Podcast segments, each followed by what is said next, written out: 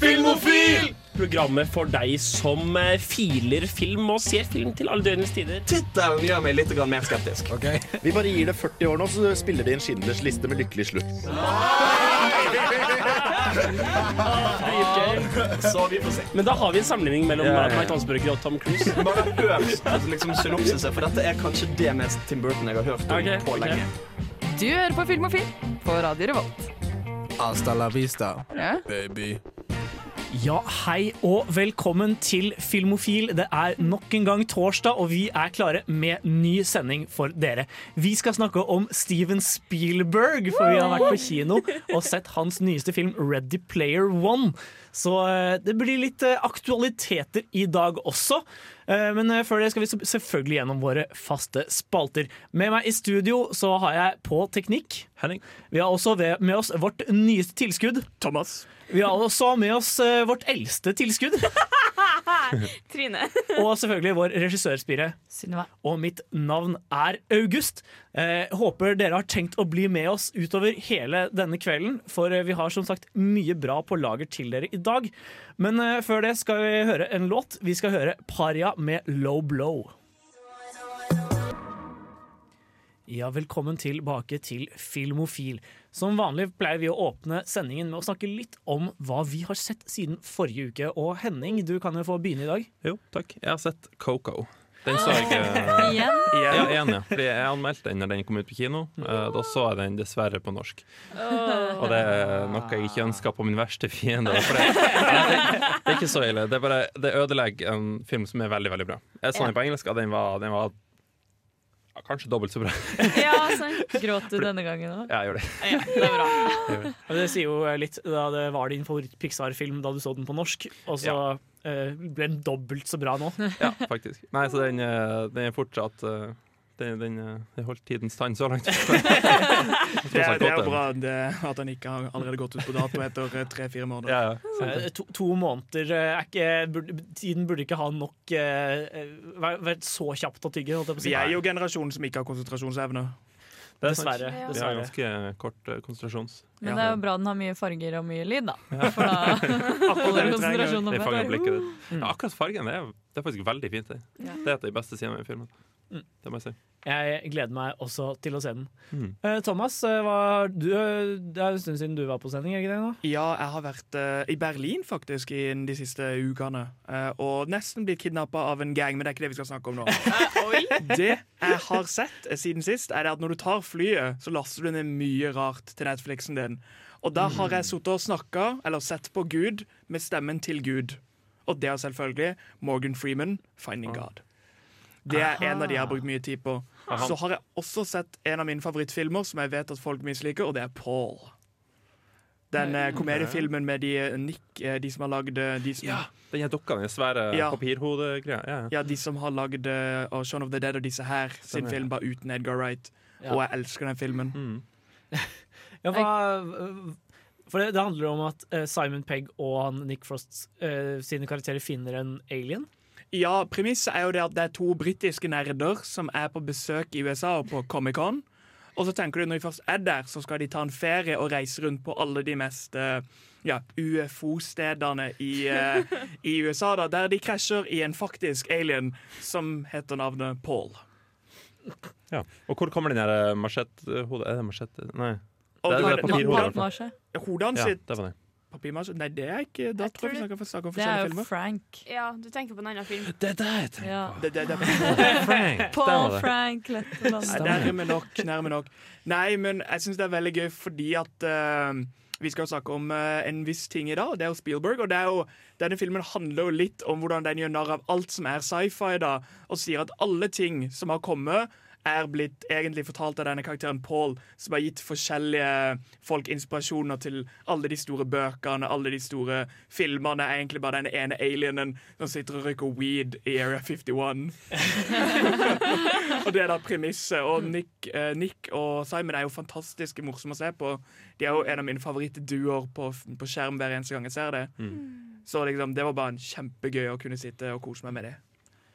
Sunniva, har du sett noe bra i det siste? Jeg har en liten anbefaling. Eh, for, eh, for en måneds tid siden så kom det en ny Netflix-serie eh, som jeg bladde ganske kjapt forbi, for den het Wild Wild Country og så litt ut som en sånn derre ja, jeg vet ikke. Sånn western country-greie. Wild Wild West. Eh, Welcome to the Wild Wild West. Wild Bare at det er Wild Wild Country. Da. Uh, men det viste seg at det var det jo ikke. Det var rett i blinken for meg, for det var jo litt true crime.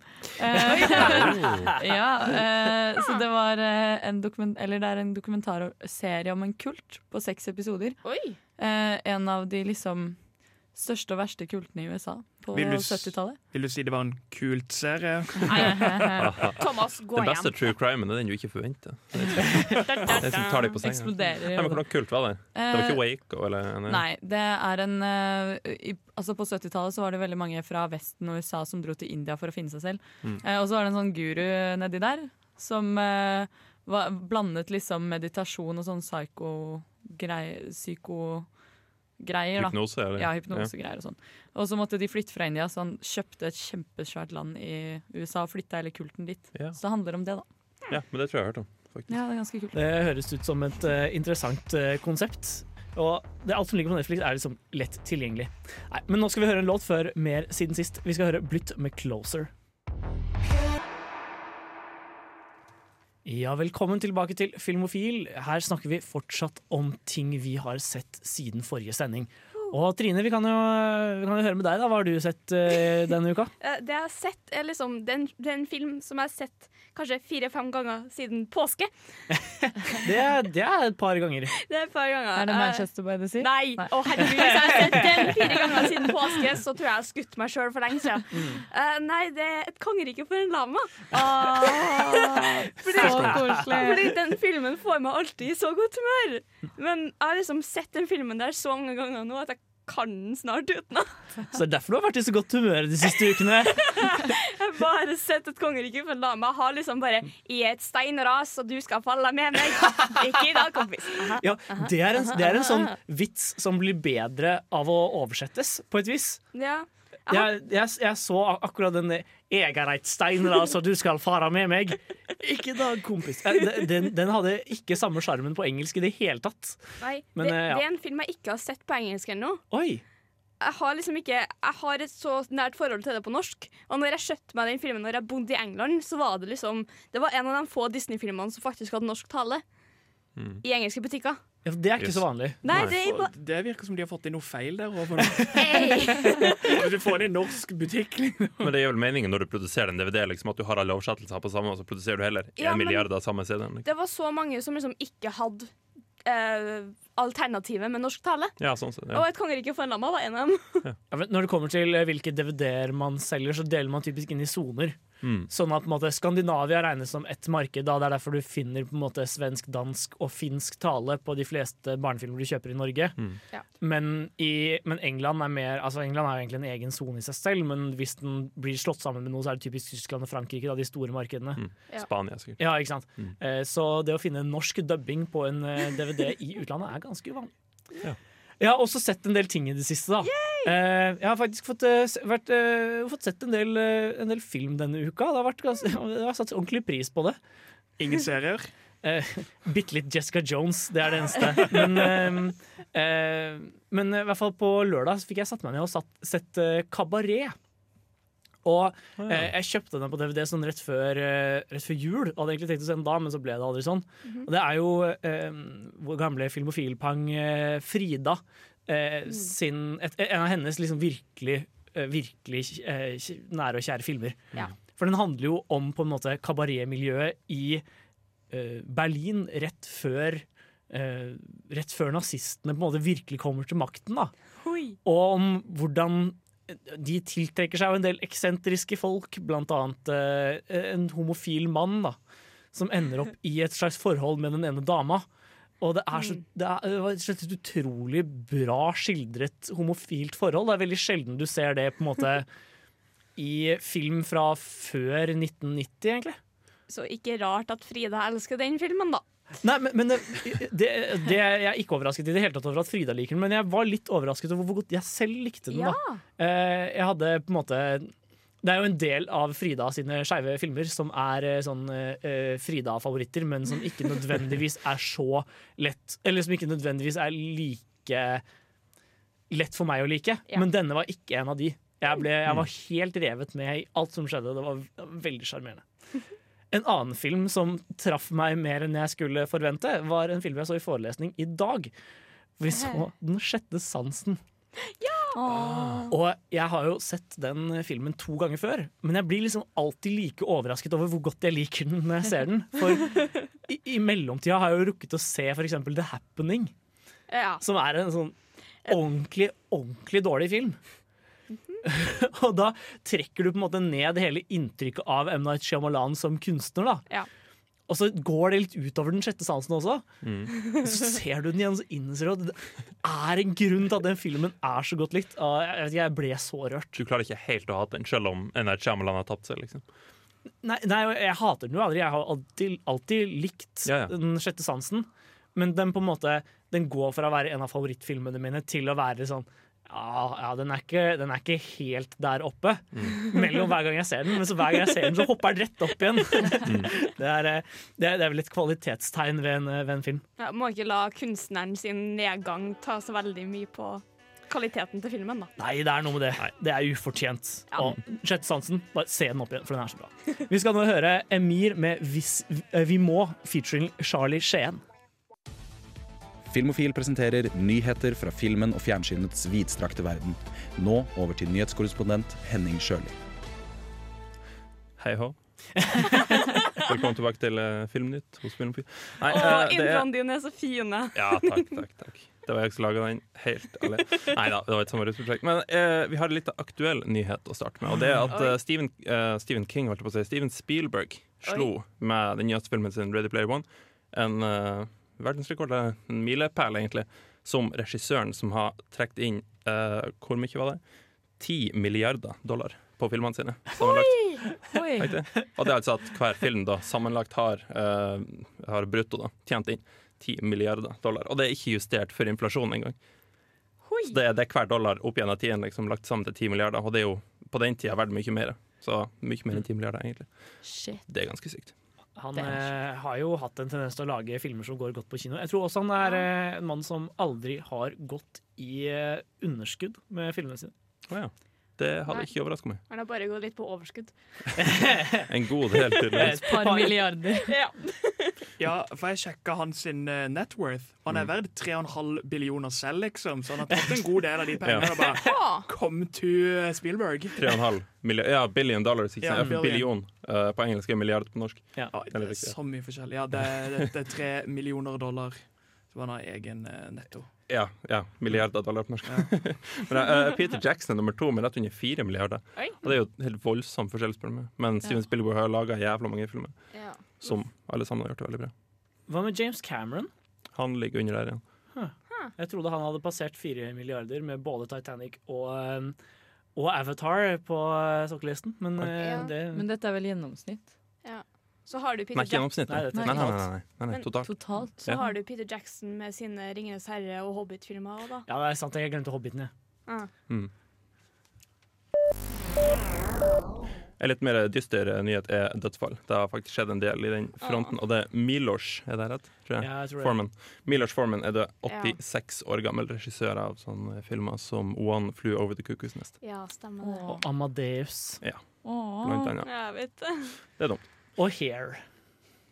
Hair. Så, um, Ja. han, har, han har lagd litt ymse. Han var eh, heldigvis ikke så veldig produktiv i det siste. Da. Det var jo på en måte på tidlig 80-tall, sent 70-tall at han lagde sine store verk. Ja. Ja. Og Men, eh, er vel den største filmen hans. Hmm? Cuckoo's er vel den største. Et, Amadeus er vel den største, Ja. Uh, men One Flew Over Ja, the. Cocos Nest er kanskje den, den best likte. Mm. Um, men jeg, jeg, syns begge to er sterke filmer, og kanskje særlig Amadeus. Eh, Ja. Utrolig, utrolig solid biopic. Ja, ikke sant. I tillegg til det, Harry Anderson. Han er ikke en person jeg kjente med en gang, men han spiller uh, Richie i It på 90-tallet. Han har også vært med i en del sånne gameshows og sånne greier som jeg ikke er så kjent med. Men eh, han er altså død. Det kommer mer om It senere, faktisk. Det har skjedd en del utvikling i den nye filmen. Ronald Lee Emmer, nei, Ermy mener jeg, er død. 74 år gammel. Det er altså han de fleste har vel hørt. Er han som spiller eh, han der slemme sersjanten i Full Metal Jacket. Ja, han har også stemmen til de der små grønne Army-menn i Ja. eh, Toy Story. Ja, stemmer. Han har faktisk veldig mange stemmer rundt omkring. Ja, jeg leste på Wikipedia. han er vel Han var, var vel mer kjent for voice sin Ja, hvert fall i senere tid. enn live action i senere tid. Ja. Mm. Var det ikke han som hadde blitt uh, hyra inn til Full Metal Jacket som sånn, eller sånn konsulent for hvordan sersjanten de egentlig skulle bruke, skulle oppføre Ja. seg? Ja. Men så var han så bra at de bare dreit i han de egentlig hadde tenkt skulle gjøre, Ja. og beholdt han som var instruktøren. Ja, for han er jo, han er jo uh, marine eller noe sånt. Eller, han er faktisk soldat. Og en drill sergeant i virkeligheten. Det er vel den stemmen du hører når du tenker Sergeant i hodet. liksom. Du Ja. Ja, faktisk. På det hatten hans du Ja. ser òg. Så fra It kapittel to, uh, som den kanskje kommer til å hete på norsk det får vi se. Eh, Jessica Chastain er bekrefta. Jeg visste! Ja. Åh, det, det, har gått rundt, fra meg. det har gått rundt i rumor mill i en evighet. Ja da, så det er bare det. sånn Yes! Ja. Og filminga starta jo i sommer, så det er ikke utenkelig at det som uh, Altså, de, de samtalene som allerede starta det er, Jessica Sustain, som sagt er allerede avtalt, men Bill Hader og James McAvoy er også Ja, i uh, mølla. da Så de Jessica Sustain er en favorittskuespillerinner, så nå, nå må jeg jo se den. Ja, ja. Ja.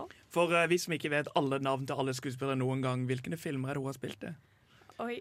Hun er veldig kjent for Ja. eh, Zero Dark 30. Der hadde hun hovedrollen. Mm. Hun har Og også vært i Interstellar. ja, Der hadde hun eh. Murph Interstellar. Mm.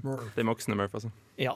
Men uh, vi skal uh, bevege oss mer, eller vi skal høre mer nyheter etter at vi har hørt Bison med 'Make It Count'. Etterfulgt av en liten pause. For et program i burra med både klasse og stil. Du hører på Filmofil. Velkommen tilbake fil til Filmofil. Vi skal ha mer Filmnytt. Og eh, Henning, hva, hva mer er det du har å snakke om i dag? Ja. Er det spås om eh, The End of the Road for Mad Max. Det er overskriften jeg leste. Og det, er litt, uh, det, det er egentlig ikke så mye oppdatering i saken, men uh, for, de, for de som ikke vet det, vi, vi snakka om det her for et halvt års tid siden, eller sånn her, tror jeg, på Filmofil.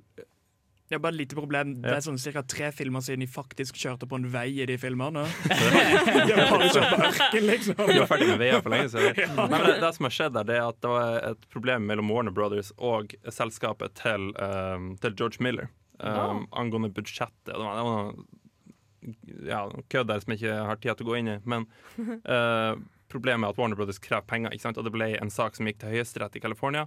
Men nå er det bestemt at saken skal flyttes fra California til New South Wales i Australia. Fordi selskapet hans er i Australia. Så med det kan man jo kan man jo spå fram at det kommer til å ta litt tid før den saken er oppløst. Og de kommer nok ikke til å begynne på noen filmer før denne saken er oppløst.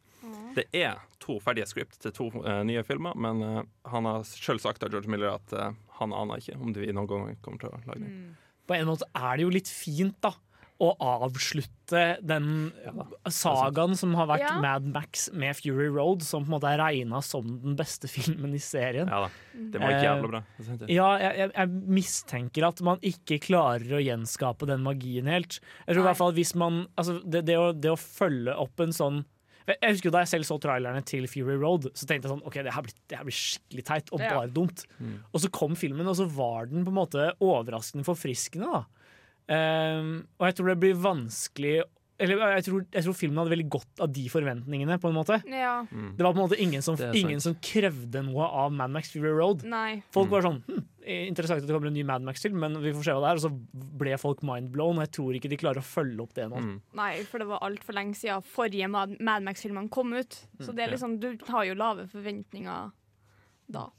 En litt relatert nyhet til det, det er at eh, Edge of Tomorrow kan også ta veldig veldig, veldig lang tid før det kommer en ny en, om det kommer en ny i det hele tatt. Rett etter Urge of Tomorrow, Edge of Tomorrow kom ut, så gikk eh, skaperen husker ikke hvem det var for noen, gikk ut og sa at det kommer en toer. Garantert. Og de lanserte en tittel som var Live, Die, Repeat. Nei, li, Nei, eh, det, det, det, han fikk, det var det navnet han gikk under. det var det. Ja, Ja. unnskyld, jeg har Men det må jo være. Edge of Night. Hvis ikke de kaller nei, det nei, det, gidder har jeg han, ikke. nå har han Live, Die, Repeat and Repeat.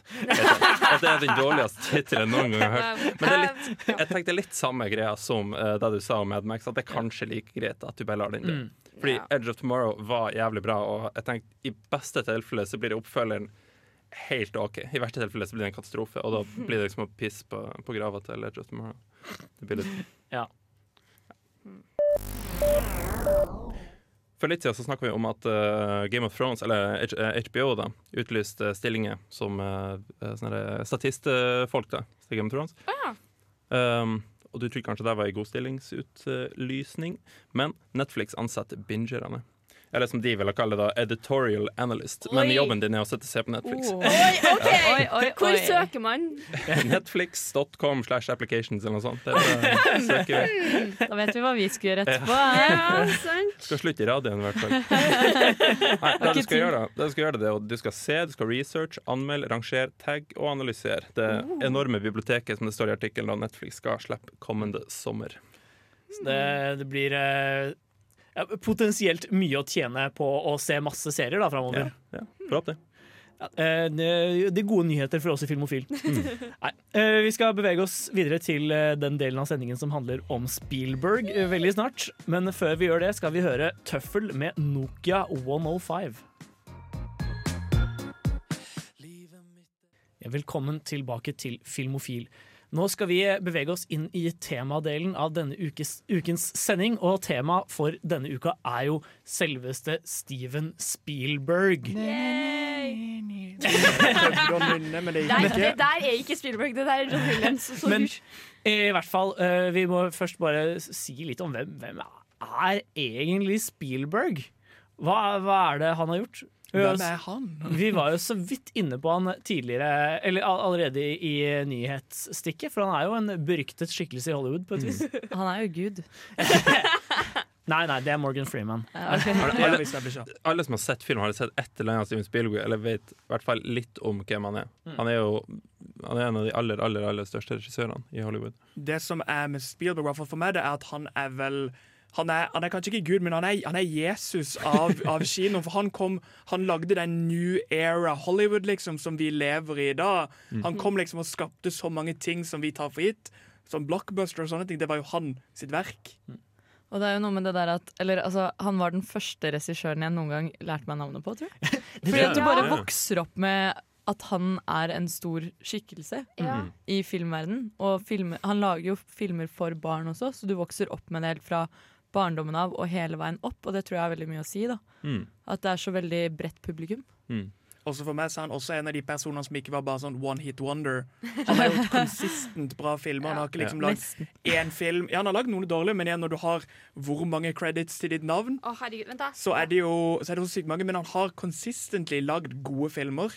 Men Han har jo lagd gode filmer fra 70-tallet til i dag, og det er veldig få andre filmskapere du kan Ja. si det samme om. Ja, han er en, er en av de mest sånn hardtarbeidende regissørene i Hollywood. Han har jo 57 credits på director, men han har 168 credits på produsent. Så det er liksom, han går jo rundt og liksom hjelper andre regissører som produsent, liksom. Men det sier jo litt når du klarer å gi ut Schindlers liste og Jurassic Park i løpet av ett år, da. Ja. Altså, jeg mener, da er det jo Gud. Vil jeg si. Skal jeg se at Peter Jackson slapp ut uh, de tre Lord of the Rings-filmene på tre år. Det er også Bare så det er. Men, men, men ja, det, er, det er et veldig godt eksempel på, på en måte, uh, allsidigheten til denne, denne skikkelsen. Vi skal snakke mer, om- mer om både Jurassic Park og Schindlers liste senere. Ja. Men det å fullføre Jurassic Nei, det å fullføre Uh, eh, Schindlers liste Ja. mens du driver med markedsføringen til Jurassic Park. Ja. Da skal du ha to ting i hodet på en gang. Ja, jeg lurer Ja. på liksom hvordan mental stage han er i hodet, for han gjør jo så mye samtidig. Så det er liksom bare Hvordan klarer du å balansere absolutt alt det der på en gang, samtidig som han, han er jo jøde sjøl. Så det er liksom bare Det er bare baller bare mer og mer på seg, så jeg skjønner ikke hvordan han egentlig fungerer. Jeg tror også han er stor din- dinosaurfan. Ja, det tror jeg. Kanskje. Muligens. Jeg tror tror ikke du begir deg ut på Jurassic Park uten å ha viss interesse for dinosaurer. En ting blant annet er at Han har veldig stort spekter på filmene sine. Så alle, altså, nesten, det er ingen aldersgruppe som ikke passer til en uh, Steven, King, nei, Steven Spielberg-film. Så er Stephen King. ja. Hvor mange ganger skal du gjøre det? Nei, eh, Steven Spielberg. Steven med, med V og Stephen King. Skal bare kalle han Steve. Spielberg. Så Steve. Steve. Bare kall han Steve, så, Ja, så, så det. ordner det seg. Ja. Eh, vi skal eh, gå mer inn på hvilke filmer Spielberg har laget, og mer om hvem han var, eller om på en måte historien hans, etter at vi har hørt Kaurin med 'Aldri eid Atari'.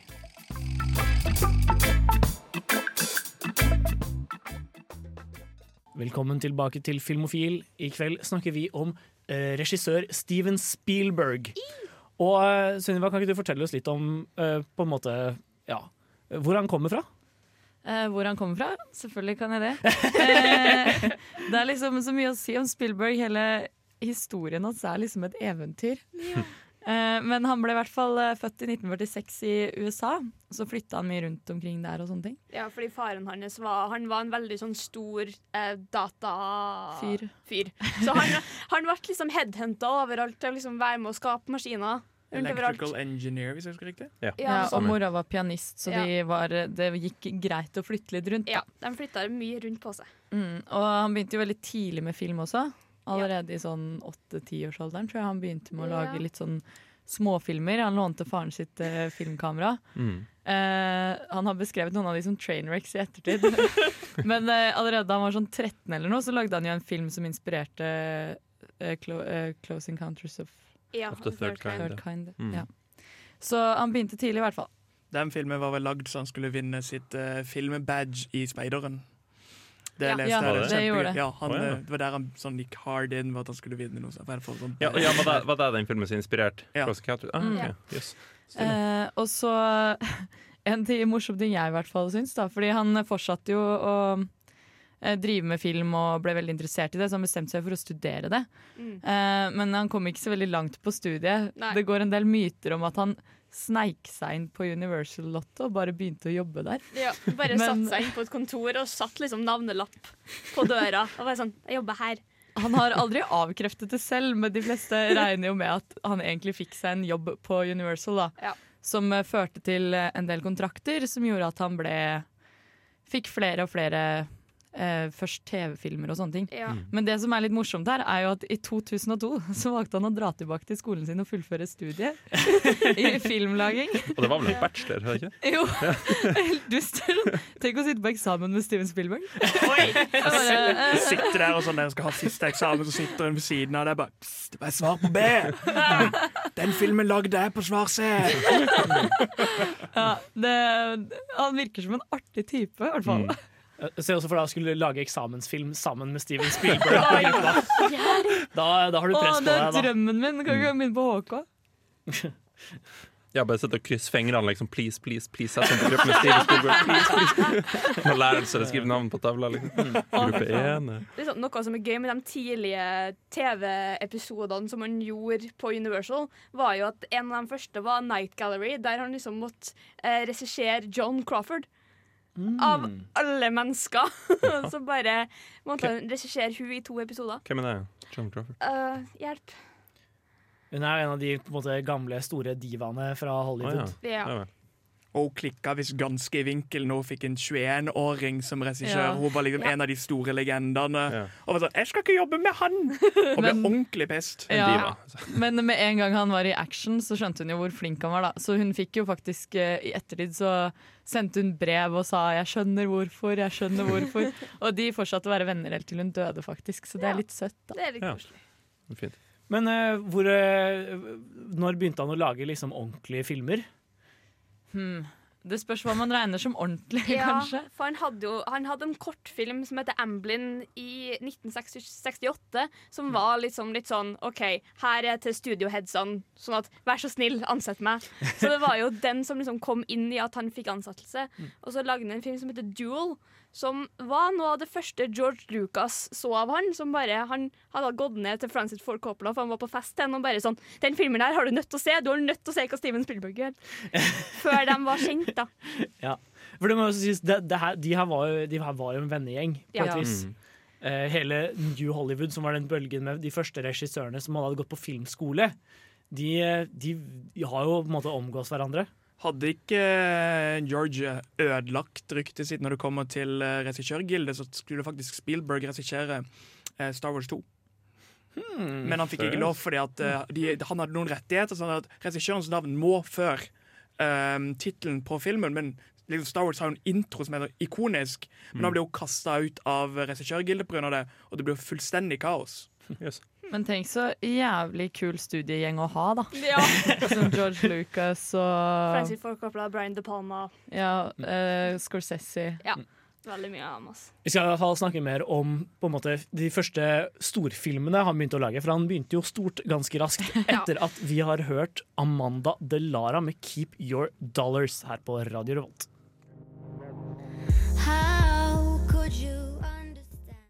Velkommen tilbake til Filmofil.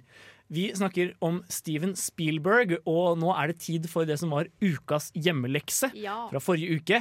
Vi ga dere i oppgave å se Close Encounters of the Third Kind. Og Trine, kan ikke du fortelle oss litt om den? Uh, jo Eh, Sånn veldig enkelt. Close Encounters of the Third Kind kom ut i 77, Mm. så den kom jo Det var en av de tidlige filmene til Spielberg. det var en av Mm. veldig. Det var liksom oppfølgeren liksom, et, Jeg får ikke til å snakke lenger. Den Eh, som den kom som kom etter. etter Jaws. Mm. Så det er liksom bare Han hadde nødt til å uh, bevise at han Jaws var ikke bare en engangsgreie. Mm. Han kan lage film. Så liksom Close Encounters handler om en close encounter of the third kind. At det er ufo som Jeg, jeg- jeg forstår ikke plottet sjøl, folkens. Altså, jeg har ikke sett filmen, jeg har lest synopsis og hørt litt om filmen. Sånn som jeg har skjønt det, så er det en fyr som blir Blir han bortført? Eller han blir, han blir besøkt på en eller annen måte, og så begynner han å høre stemmer i hodet. Er ikke det? Og så prøver han å etterforske hva de stemmene er. Det er sånn jeg har forstått Jeg filmen. syns den filmen er veldig vanskelig å forklare. Okay. Det, det er vel en eh, slags Eller konseptet er jo at det kommer aliens til jorda som. Forsøker å kommunisere med menneskene. Eh, men måten de gjør det på innledningsvis, er at de på en måte har eh, nærkontakt med enkeltindivider, så får på en måte en slags sånn idé om disse romvesenene, eller Ja. stedet de skal møte romvesenene, innprentet i hodet sitt, Ja. og kun klare å fokusere på det. Ja. Mm. Og vi følger en karakter spilt av Richard Dreyfus, Ja. som, skal, som har blitt så utrolig besatt at han bygger liksom tårn som ser ut som dette stedet, og til slutt klarer å komme seg dit da, Ja. for første, første møte med de faktiske romvesenene. Ja, takk. Eh, Det er bare, den, den filmen det er litt vanskelig å forklare for meg, for jeg har sett den to ganger. Og jeg forstår fortsatt like lite. Eh, nei, jeg, jeg har- bare sett den én gang, og da var jeg så bakfull at jeg spøy halvveis inne i filmen. Uh, så jeg, jeg, jeg sliter litt med handling, men det kan hende bakfullheten gjorde meg såpass distansert at jeg kunne absorbere plottet. Ja, fordi liksom uh, Spielberg hadde sett 2001. Mm. Og spøy Odyssey, så bare sånn OK, jeg kan gjøre det her. Og så bare vri litt om på det. Det er jo liksom bare kunst til folket. Fokusere litt på ja, her var det kunst. Hva skjer hvis 2001 har en story? Eh, Noe av grunnen til at vi snakker om denne filmen nå er jo også, eller så, eh, som ukas hjemmelekse, er jo at dette er en av de få filmene han var medforfatter på. Ja. Så den på en måte tapper litt rett inn til på en måte en av Sp- en av Spielberg sine hovedgreier. da. Eh, Jeg har alltid vært fascinert av, av romvesen, tror jeg. Eller i hvert fall å lage eh, skapninger fra Ja. bunnen av, på et vis. Ja, for at liksom Faren hennes hadde tatt den med ut og liksom bare sett på stjernene. Og liksom etter det bare sånn Å, det er en himmel, og det skjer ting. Oi, fy faen. Ja, for han er vel en av de regissørene som kanskje ikke er bundet opp sånn tekstforfattermessig. For når jeg tenker på mange for- eh, regissører, så tenker jeg på én spesifikk film eller én spesifikk ting, fordi jeg er så aktiv i den fronten. Mens når det kommer til Spielberg, så gjør han bare alt. Han Mm. gjør alt, og det kan kanskje ha noe med å gjøre at han ikke er aktiv i skrivefronten, for han er liksom ikke sånn at han må gjøre sin story. Han løfter opp andre sine verk, liksom. Ja, men liksom, når han satte seg ned og skrev den her, så tror jeg han tok veldig mange detaljer fra sitt eget liv. Fordi uh, han kom ifra liksom en familie som uh, Foreldrene skilte seg.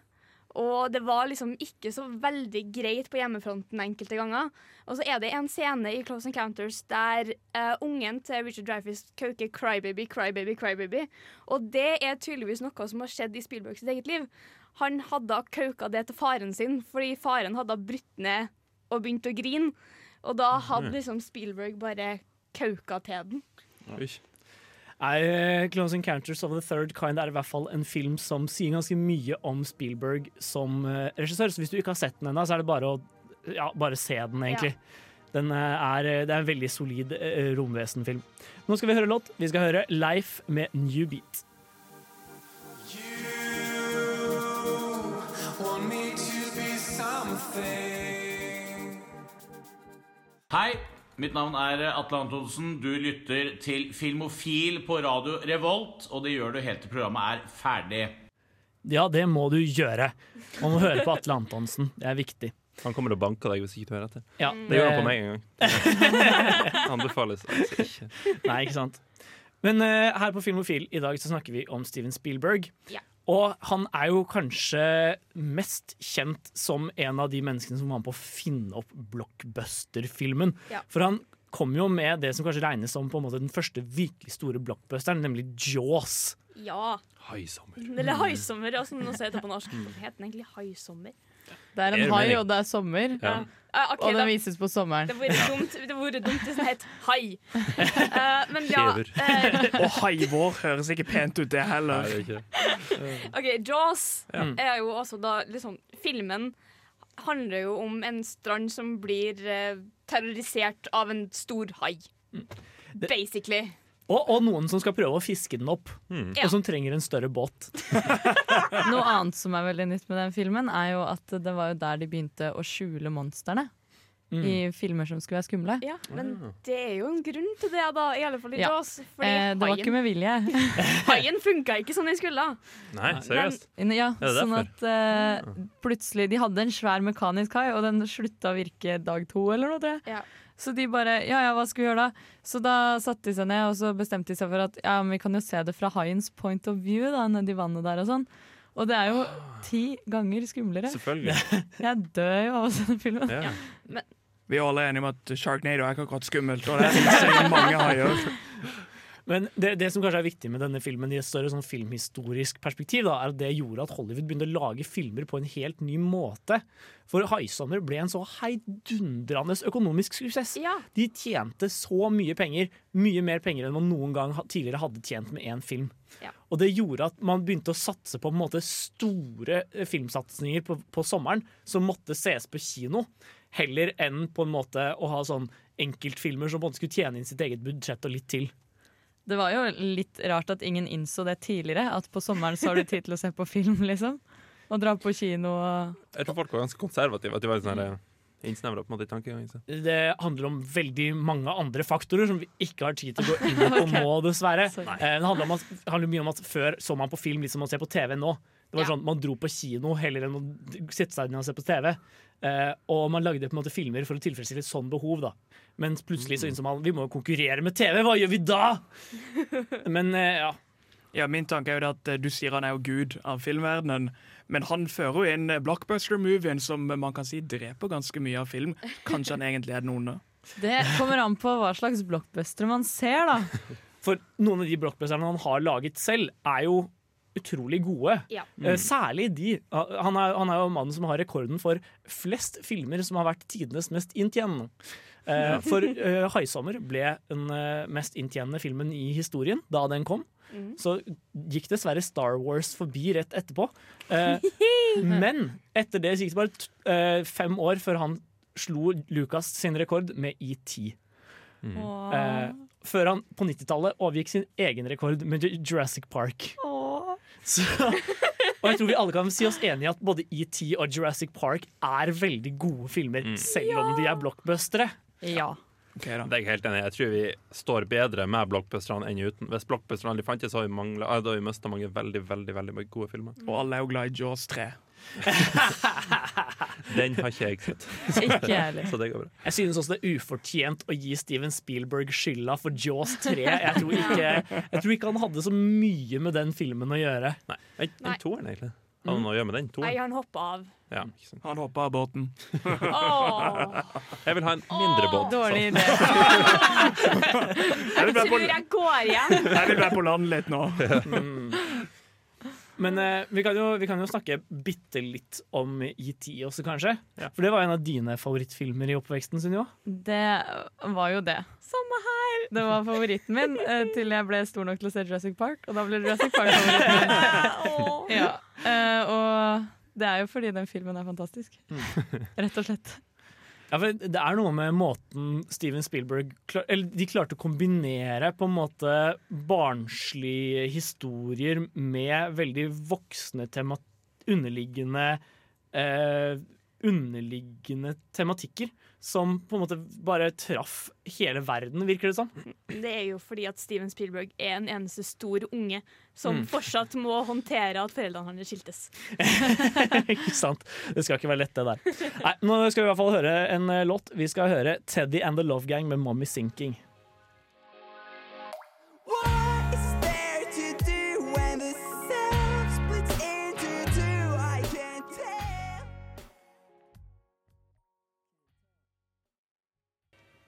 Ja, nå skal vi snakke litt videre på det vi snakket om før uh, 'Mummies Sinking. For uh, vi, uh, vi var inne på at Steven Spielberg er en av regissørene som har vært med på å på en måte forme blockbusteren. Ja. Og i den anledning uh, laget Jurassic Park. Og eh, vi er nå kommet til ukas filmlåt, som er hovedtema fra Jurassic Park. Yay. Og i den anledning så føler vi det er veldig viktig å snakke om Steven, Spiel nei, Steven Spielbergs kanskje mest kjente samarbeidspartner, Ja. nemlig John Williams, hans Ja. faste komponist. Ja. Liksom John Williams og Steven Spielberg har faktisk samarbeida siden 74. De, med hans første, en av hans første filmer som heter The Sugarland Express. Før han scora Jaws. Mm. Så det er liksom John Williams har jo liksom bare vært med hele veien, bortsett fra tre filmer, som er vel Ready Player One, Bridge of Spice og en annen som jeg ikke husker navnet på akkurat nå. Nei, The Color Purple. Nei, nei, nei, ja, Color Purple. Et spørsmål, altså John Williams, starta han med Steven, uh, Steven Spielberg, eller, eller var han allerede Nei. en, en ganske kjent komponist? Han, eh, han var en komponist før han jobba Ja, med. Steven Spielberg. Ja. Men de starta et samarbeid, og så Steven Spielberg er jo kjempeglad for å kalle vennen sin, sant? Ja. så han samarbeider jo med ham så ofte han kan. Ja, en annen eh, ikonisk eh, ting han har gjort, han har gjort Star Wars. Ja, Det er han ja, som ja, er musikken bak Star Wars, og der har du jo ikonisk musikk på ikonisk musikk på ikonisk musikk. det er George Lucas, ikke Steven Spielberg. Altså, poenget er vel at John Williams har lagd alle kjente sånne Ja. Themes Ja. ever. Det er liksom det Ja, i hvert fall fra 70 til 2000. Ja, ja, men også som vi liksom. husker, da. Og, og nesten alle de, med unntak av Star Wars, var med Steven Spielberg. Ja. Mm. Uh, musikken til 'Haisommer' er jo ikonisk på sitt vis allerede der. Nene, nene, nene. Ja. Um, og musikken til uh, Close, in Close Encounters Ja. er kjempekjent. Det er, jo, det er jo en viktig del av Close Encounters også. Det er et viktig som jeg har glemt, glemt å si. Men, eh, men ja, Indiana Jones-musikken er Ja. kjempekjent. Det samme gjelder ja, Musikken til ET også er fantastisk. Så, eh, og så er det Jurassic Park og Schindlers liste. Ja. Eh, Lista bare fortsetter og fortsetter. The Terminal er også veldig bra. Den er kjempefin! Er det musikk i The Terminal? Ja! Den er, kjempe, den er nydelig! Mm. Hør på det hvis du ikke har hørt den. Den er kjempefin. Men noe av det som er så utrolig herlig med deres samarbeid, er at på en måte, Steven Spielberg virkelig lar eh, John Williams lage på en måte musikk som er tydelig og til stede, og Ja. ikke bare det er sånn, sånn bakgrunnsmanipulering av følelsene dine. Det er på en måte temaer du kan synge med på i ettertid. da Ikke Ja. bare sånn stemningsmusikk. Hans Zimmer, for eksempel. Jeg kan ikke nynne på noen av melodiene hans, selv om jeg syns musikken hans er kjempeeffektiv. Men John Williams, og særlig i Steven Spielberg-samarbeidene, er helt herlig å, på en måte, å kunne synge på. da Ja, og så har de jo også Det har en veldig personlighet, så det blir liksom med i plottet samtidig. Mm. Så det er sånn fantastisk å høre på. They do make sweet music. Gå hjem. Strike three, Thomas. Sorry, det er så mange gode punch her. Ja, ja. Men skal vi rett og slett bare høre et av de mest kjente stykkene fra, fra Spielberg og Williams sine samarbeid? Det kan vi gjøre. Ja. La oss høre Jurassic Park sin themesong.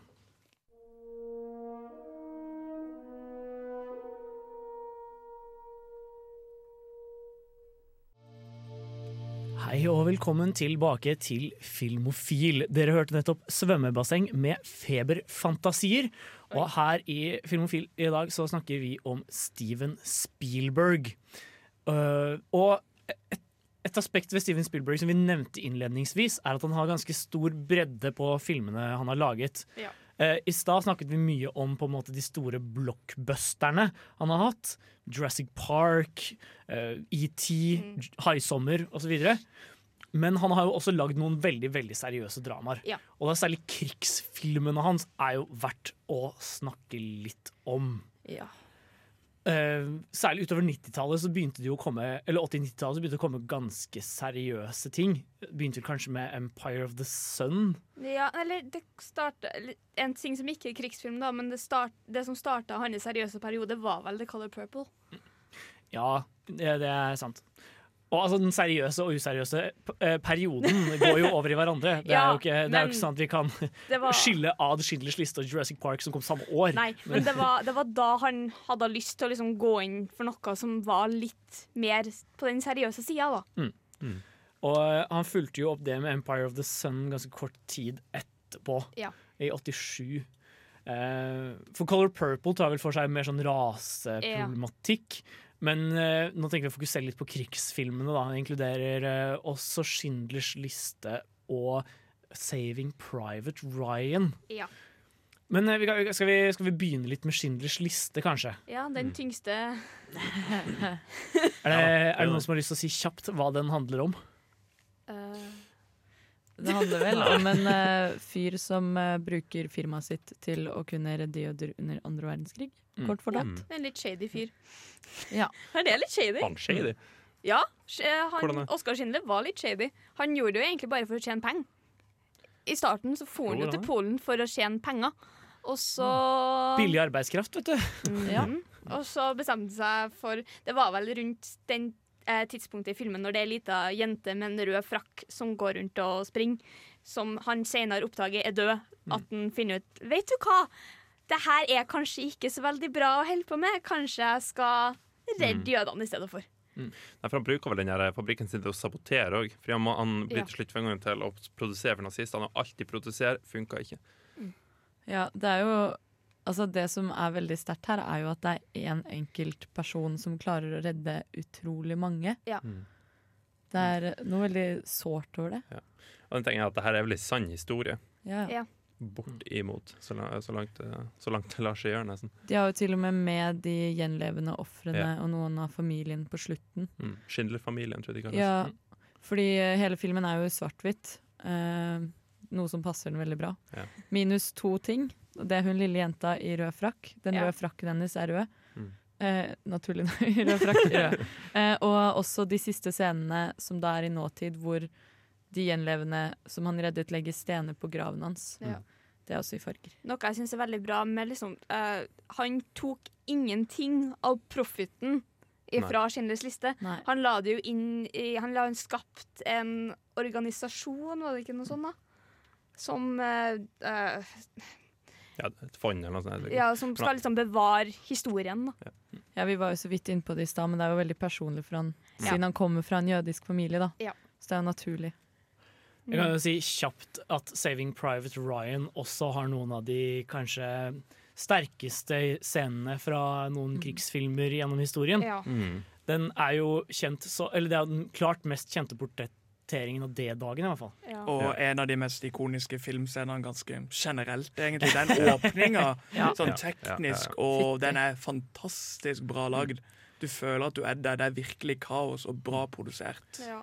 Ja, eh, den, eh, Det er jo en eh, fun fact. Den, den åpningsscenen tok over halvparten av innspillingsdagene til hele filmen. Ja. Og den er jo ganske ganske mye lenger enn en sin egen Eller hva skal vi si da, Resten av filmen er jo ganske mye lenger enn åpningen. Ja. For å si det sånn. Eh, Men i hvert fall, det vitner om at Spielberg har en ganske stor bredde på materialet han har laget. da. Det er ikke bare blockbuster, men også veldig seriøst. Nei, la oss høre en låt. Vi skal høre Nylenda med Seta Cetition Call.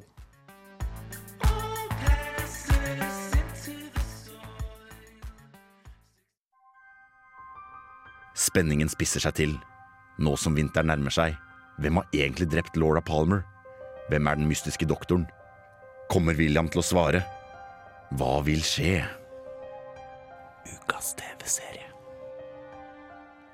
Ja, og ukas TV-serie denne uka her på Filmofil, den kommer kom litt i forlengelse av det vi snakket om før eh, forrige låt. For eh, da gikk vi inn på Steven Spielberg sin mer seriøse side. Med filmene 'Saving Private Ryan' og 'Schindlers liste'. Men uh, han lagde jo også Er han også tungt involvert i en uh, krigs-TV-serie. Nemlig Band of Brothers. Så kan ikke du fortelle oss litt mer om den, Henning? Jo. Band of Brothers uh, den portretterer eh, en virkelig eh, tropp da, fra andre verdenskrig. En fallskjermtropp som heter Easy Company. Eller det var en av, de, en av troppene i Easy Company. Ja. Easy Company var et eh, nesten legendarisk eh, kompani. Fordi de var, de var, for det første var de så jævla hardt trent. De første to, ha- to og en halv episode kanskje handla om den rekruttskolen, hvor du møter Captain Sobel, spilt av David Schwimmer, faktisk. Friends, som er ganske artig. Men, uh, ja, så, så ble de sluppet i, på D-dagen. Før D-dagen, faktisk. Det var da de um, I Frankrike. Og kjempa seg i mellom tyskerne. Og gikk videre gjennom Frankrike. Kom vel til Sveits, tror jeg det var der de stoppa. Oppi de, her- de fjellene som nazistene tok, som ørnereder, som de kalte det. Uh, men det er det er kanskje favoritt-TV-serien min. Altså, alle, alle vet hva det er, for alle har sett bitte litt av den, tror jeg, men det Ja. er en så jævla bra se- TV-serie. Jeg, jeg vet ikke hvordan jeg skal sette ord på det, egentlig. Det er utrolig Eller altså, hele serien bare beskriver ting så utrolig bra. Mm. Der også er det jo sånn at du føler du er med på det Mm. hele tiden. Du kjenner kulden når det er liksom minusgrader og det snør og sånn. Du bare føler det på hele kroppen. da. Og det at de har med også intervjuer altså På starten av hver episode så har de vel et intervju med de det faktisk Ja. skjedde med. Og det er så sterkt å se på. Mm. Det, det var egentlig det jeg skulle si nå, at ja, de, eh, de har med en del av de, vek- de virkelige personene, men det blir vel ikke uh, visst før i slutten av serien. Da får du navnene på de folkene som de intervjuer. Så fram til da er det vel bare tilfeldige gamlinger liksom, som står og prater. Liksom, ja, jeg var der og der, og det var kaldt, og det var folk som frøs i hjel i gropa si og sånn. Og helt til slutten av TV-serien da, så kommer det navn på de intervjuene. Ikke sant? Ja, det her var Chuck, han der fyren der som du har blitt kjent med. Det var Barry, eller Jeg husker ikke navnene, selvfølgelig. Men, Chuck. En annen ting som jeg ble veldig overrasket over når jeg så den serien, er For de har veldig mange skuespillere fra typ sitcoms og andre serier. Ja, ja, det det. Eh, men samtidig Altså sånn du, Første gang du ser dem, så tenker du å ja, det er han fra Friends og å, det er han fra Desperate Housewives. og sånn Men det gjør ingenting. For de klarer å få dem til å bli de karakterene, uavhengig av at de er så kjent fra andre ting. da Mm. Andre serier og sånn. Så det er godt jobba. Ja, du blir utrolig investert i de karakterene. Selv om han er fyren fra Desperate Housewives. Liksom. Ja. jeg, jeg, jeg digger virkelig den serien. Det er en serie jeg ser opp en gang hvert år. eller noe sånt. Det er vel i hvert fall den mest kjente rollen til David Schwimmer. Ja, Eller den mest, den mest uh, anerkjente rollen til Ja. David Schwimmer. Ikke mest kjent. Nei, ikke mest kjent. Nei, men uh, nå må vi bevege oss videre. Vi skal høre en låt. Vi skal høre Andrean med 'Reluctant'. Reluctant. Ain't the kind of person I usually fuck with. Tripping up on me, please just stop it. Velkommen tilbake til Filmofils Spielberg-sending. Eh, vi har jo nå på en måte kommet til den litt sånn senere delen av Spielberg sin karriere. Ja. Og Vi tenkte vi rett og slett bare skulle løse det ved å nevne et par av våre favorittfilmer av sånn sen Spielberg. Og vi kan jo begynne med dere, da, Henning og Sunniva. Dere hadde en felles favoritt. Skal vi se det i kor? Samtidig, ja. En, to, tre. Catch, me if you can. Wow! High five. det var ikke en ordentlig high five. Det var. Self-five. Ja, Self-five. Hvem Ja. vil begynne? Ja, du kan få begynne, du. Takk, takk. Uh, jeg, jeg det her var en av de første filmene hvor jeg virkelig satte pris på Leonardo DiCaprio. Ja, Så det er sånn, Jeg digga han i den filmen, for han var så sjarmerende. det var så- Hva handler filmen om? Ja, så beklager. Det handler om eh, Leonardo DiCaprio, som er en uh, forfalsknings... Con artist. Han er jo for det første 16 år. Mm. Stikker hjemmefra fordi det er vel skilsmisse, tror jeg. Ja. Eh, er- Stikker hjemmefra og overlever ved å forfalske alt mulig rart, egentlig. Han begynner med å forfalske sjekker, og så begynner han ja, flybilletter Blir sånn pilot han- en stund. Ja, han blir pilot. ikke sant? Han har forfalsker rette papirene, så viser han til rette folkene. Så får han uniform. Og så, ja, han er veldig veldig god på forfalskning. Og så er det da en FBI, eller CIA-agent, som blir satt uh, på å finne han, som heter uh, Som er spilt av Unnskyld, Tom Hanks. Tom Hanks, Ja. Ja. Og Tom Hanks også gjør det veldig bra i den filmen. her Det som kanskje er mest interessant med det, er jo alle krumspringene fortellingen tar. For den bare Mm. hopper rundt omkring og er liksom så energisk hele veien. Mm. Litt som en 16-åring. Det er det som er greia. Det For det er jo, det er jo han Mm. for Det er vel ei det sånn historie? Jeg, jeg tror den er er basert på virkelige ja, hendelser. Det er jo Ja. delvis. Jeg syns også det var veldig gøy da jeg var liten og så den, fordi at det var da jeg var fan av Grace Anatomy, og Ellen Pompeo er med i den. Første gang jeg så henne i noe annet enn Grace Anatomy. Ja. Thomas, har du en eh, favoritt? Ja, det er jo en uh, vinnende formula. Det er uh, Tom Hanks og Steven Spielberg. Men Tom Hanks spiller litt dum. Og det er vinnerformelen. Og det er Terminals. Og det er da en, eh, en, eh, en foreigner som blir eh, stranda i New York Airport fordi landet sitt slutter å eksistere idet han er på terminalen og kommer derfor ikke ut, for han, han fins lenger ikke i et land. Men han som er sjef på terminalen, vil jo selvfølgelig bli kvitt denne personen og prøver alt til å få han til å forlate den terminalen fordi at de har lyst til å kicke han ut. Men han bare blir her, så det er da storyen. Er da hvordan denne lille, simple Tom Hanks-karakteren bare bor på The Terminal eh, over flere måneder, mens landet Ja. hans bare ikke eksisterer. Og hjelpe til å bygge litt på flyplassen og fikse litt ting her og der og bli kjent med folk og ting. Det er så Det er, det koselig! er kjempekoselig. Det er en av de der feel good Tom Hanks-filmer. Liksom. Det er sånn du kan poppe inn når som helst og bare kose deg. Mm. Det er en veldig sjarmerende liten film. Har du en, eh, har du en favoritt? Ja, en som heter Minority Report. ja. Apropos filmer med mye krumspring. ja, den, den får å hoppe mye rundt overalt, og du skjønner ikke helt hva som skjer. Det er liksom, det er Tom Cruise eh, som spiller en sånn framtidig politimann, der de har, de har tre eh, Synske mennesker. Ja, synske ja. mennesker som liksom ligger i et badekar, og som kan Vektig detalj. Space badekar. Det er ikke bare et vanlig badekar. Ok, Som kan liksom se framtida. Så det er veldig mye sånn uh, De ser et drap før det skjer, så Tom Hanks går rundt og liksom arresterer de Cruise. menneskene som Hva sa jeg for Tom noe? Cruise, du sa Tom Hanks. Ups.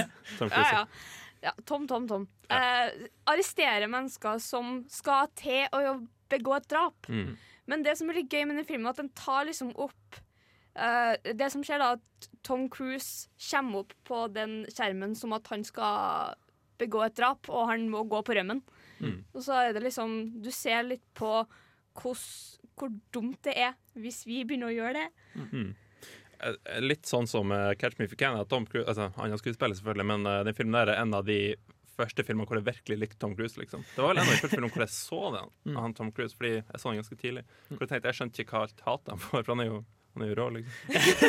Ja. Den filmen digger jeg. Kjempebra. Og den tar jo også flere narrativer krumspring enn den nesten har gått av. Jeg husker det kom Ja. på en måte twist på twist på twist. Det er jo sånn, nå, nå, er, nå har det nesten vært nok twister. Men jeg har også en enda nyere favoritt enn de dere har kommet opp med. Jeg er, jeg er egentlig ganske fan av eh, Lincoln-biografien han lagde. Mm. Han lagde en biografi om eh, Abraham Lincoln i eh, 2012. 2012 med Daniel Day-Lewis i hovedrollen. Og Daniel Day-Lewis vant jo sin tredje Oscar for den filmen. Etter min mening særs velfortjent. Det er på en måte en biopic som tar seg tid til å virkelig puste. Det handler liksom bare om hvordan skal vi få avskaffet slaveriet og avsluttet krigen på en gang. Eh, og det er rett og slett rett og slett en utrolig på en måte eh, vakkert løst film, vil jeg påstå. Den er meditativ på helt riktig måte. Og ja, jeg, jeg syns eh, jeg syns folk har glemt den litt for fort, da. Den fikk ganske mye oppmerksomhet i 2012, men etter det så er det liksom ingen som har snakket om den noe særlig. Det, det er sant. Eh, jeg syns det er trist. Den fortjener litt kjærlighet, den filmen.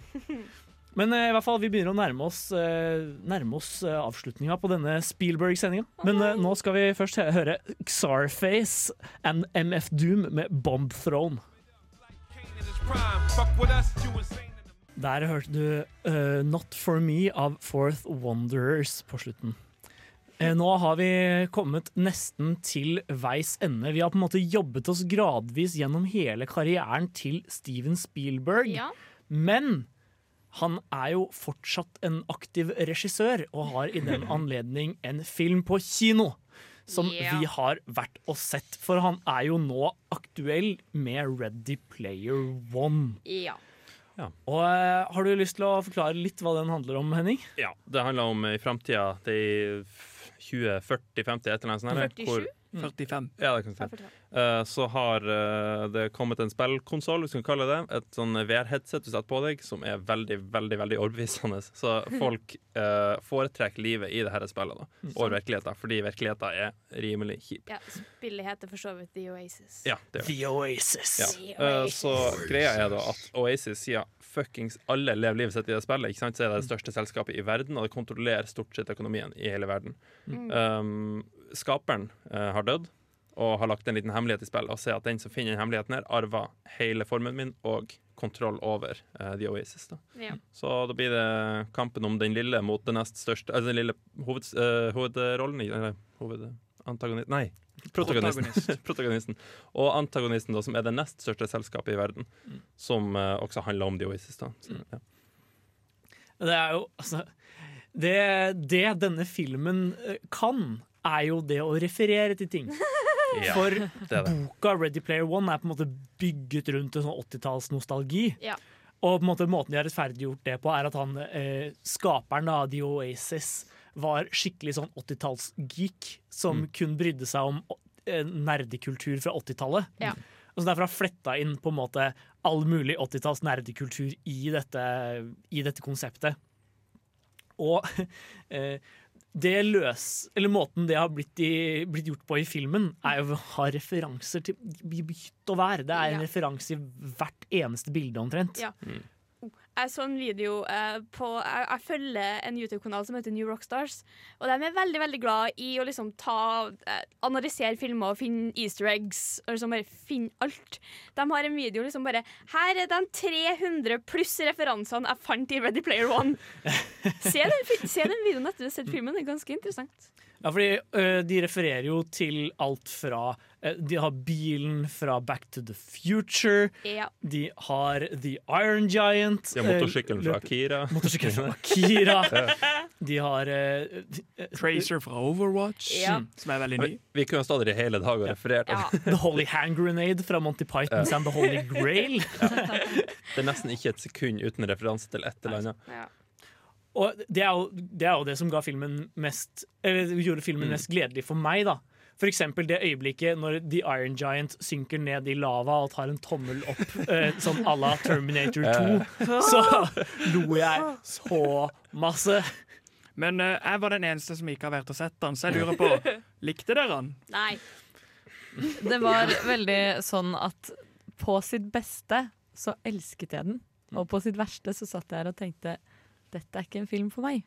Ja. Så det gikk Altså På ett sekund så kunne det gå fra å være dritbra til å virkelig ikke treffe meg. Jeg satt lenge i den filmen og tenkte hvem er de har laga den filmen her for, egentlig. Men, men jeg, jeg tror det litt sånn som Star Wars-prequelene, at de prøvde liksom bare stappe inn masse forskjellige ting. Og bare, ja, så nå har vi dekket hele publikum. Ikke sant? Ja. Jeg syns Steven Spielberg har fått det der på en mye bedre måte tidligere enn i den filmen her. Ja, jeg er enig, og det er jo også noe med det der at mange av de delene hvor, du, hvor det er ekte mennesker, føles veldig sånn Spielberg Sånn som, altså sånn gammel Spielberg, da. Ja. Okay. Veldig sånn, ja, type ET-filen, eller sånn litt sånn Det derre kid som vokser opp, Mm. storylinen og sånne ting. Mens det kombineres ikke kanskje så det, det lar seg ikke kombinere så bra med en sånn virtuell eh, spillverden. Nei. Nei. Det er veldig krasj der, da. Ja, jeg tenkte mye over det, men noen eller, særlig noen sekvenser hvor det går fra å være sånn, veldig bra til veldig dårlig veldig fort. Eh, ta for eksempel eh, De har en sekvens som foregår i en virtuell versjon av The Shining. Ja. Og måten de har gjenskapt The Shining på, er så bra. Ja. Ja, det er sant. Og det er så vakkert at måte, Spielberg bruker anledningen til å lage et så godt homasj til på en måte, filmen til sin gode, venn, gode avdøde venn Stanley Kubrick. Det er. Og så plutselig så ender den scenen opp i en sånn dans med zombier. Ja. Og da er det sånn og det var, ikke det, her, jeg- det var ikke det her jeg ville ha, liksom. Og så har den filmen her en av de mest påtvingte og mest forferdelige romansene jeg noen gang har sett i en film. Vet du hva, Det var så dårlig. Jeg crincha så hardt. Stakkars August. Han holdt på å pette meg på hodet flere ganger for jeg holdt på å dette ut av stolen. Akkurat den var helt krise. Ja, det var. Men eh, så Red Player One, ujevn, men noe underholdende. Nå skal vi høre en låt før vi avslutter helt. Vi skal høre Remember Sports med Up From Below. Nå har vi dessverre nådd veis ende her denne utgaven av Filmofil. Å nei! Ja, Det har vært veldig hyggelig å snakke om Steven Spielberg i kveld. Han virker veldig hyggelig, så Ja, han, er, han har lagd veldig veldig hyggelige filmer. Ja. Så hvis du har lyst til å høre oss prate om Steven Spielberg helt på nytt, så er det bare å sjekke oss ut på radiorevolt.no slash programmer slash filmofil. Eller sjekke oss ut på Spotify eller en eller annen podkast-app om du skulle ønske det. Neste uke skal vi snakke om eh, Wes Anderson i anledning Yay! Isle of Dogs. Så ukas hjemmelekse blir Fantastic Mr. Fox, som dere kan se på Samfunnet på søndag. Vi, med meg i studio i kveld så har jeg hatt på teknikk. Vi har også hatt uh, Del Toros groupie number one. Thomas. Uh, vi har direkte fra NTNUs uh, filmvitenskapslinje. Trine. Vår regissør Spire. Og mitt navn er August. Her skal dere høre Bitter Baby med Reality Cannot Be Broken. Like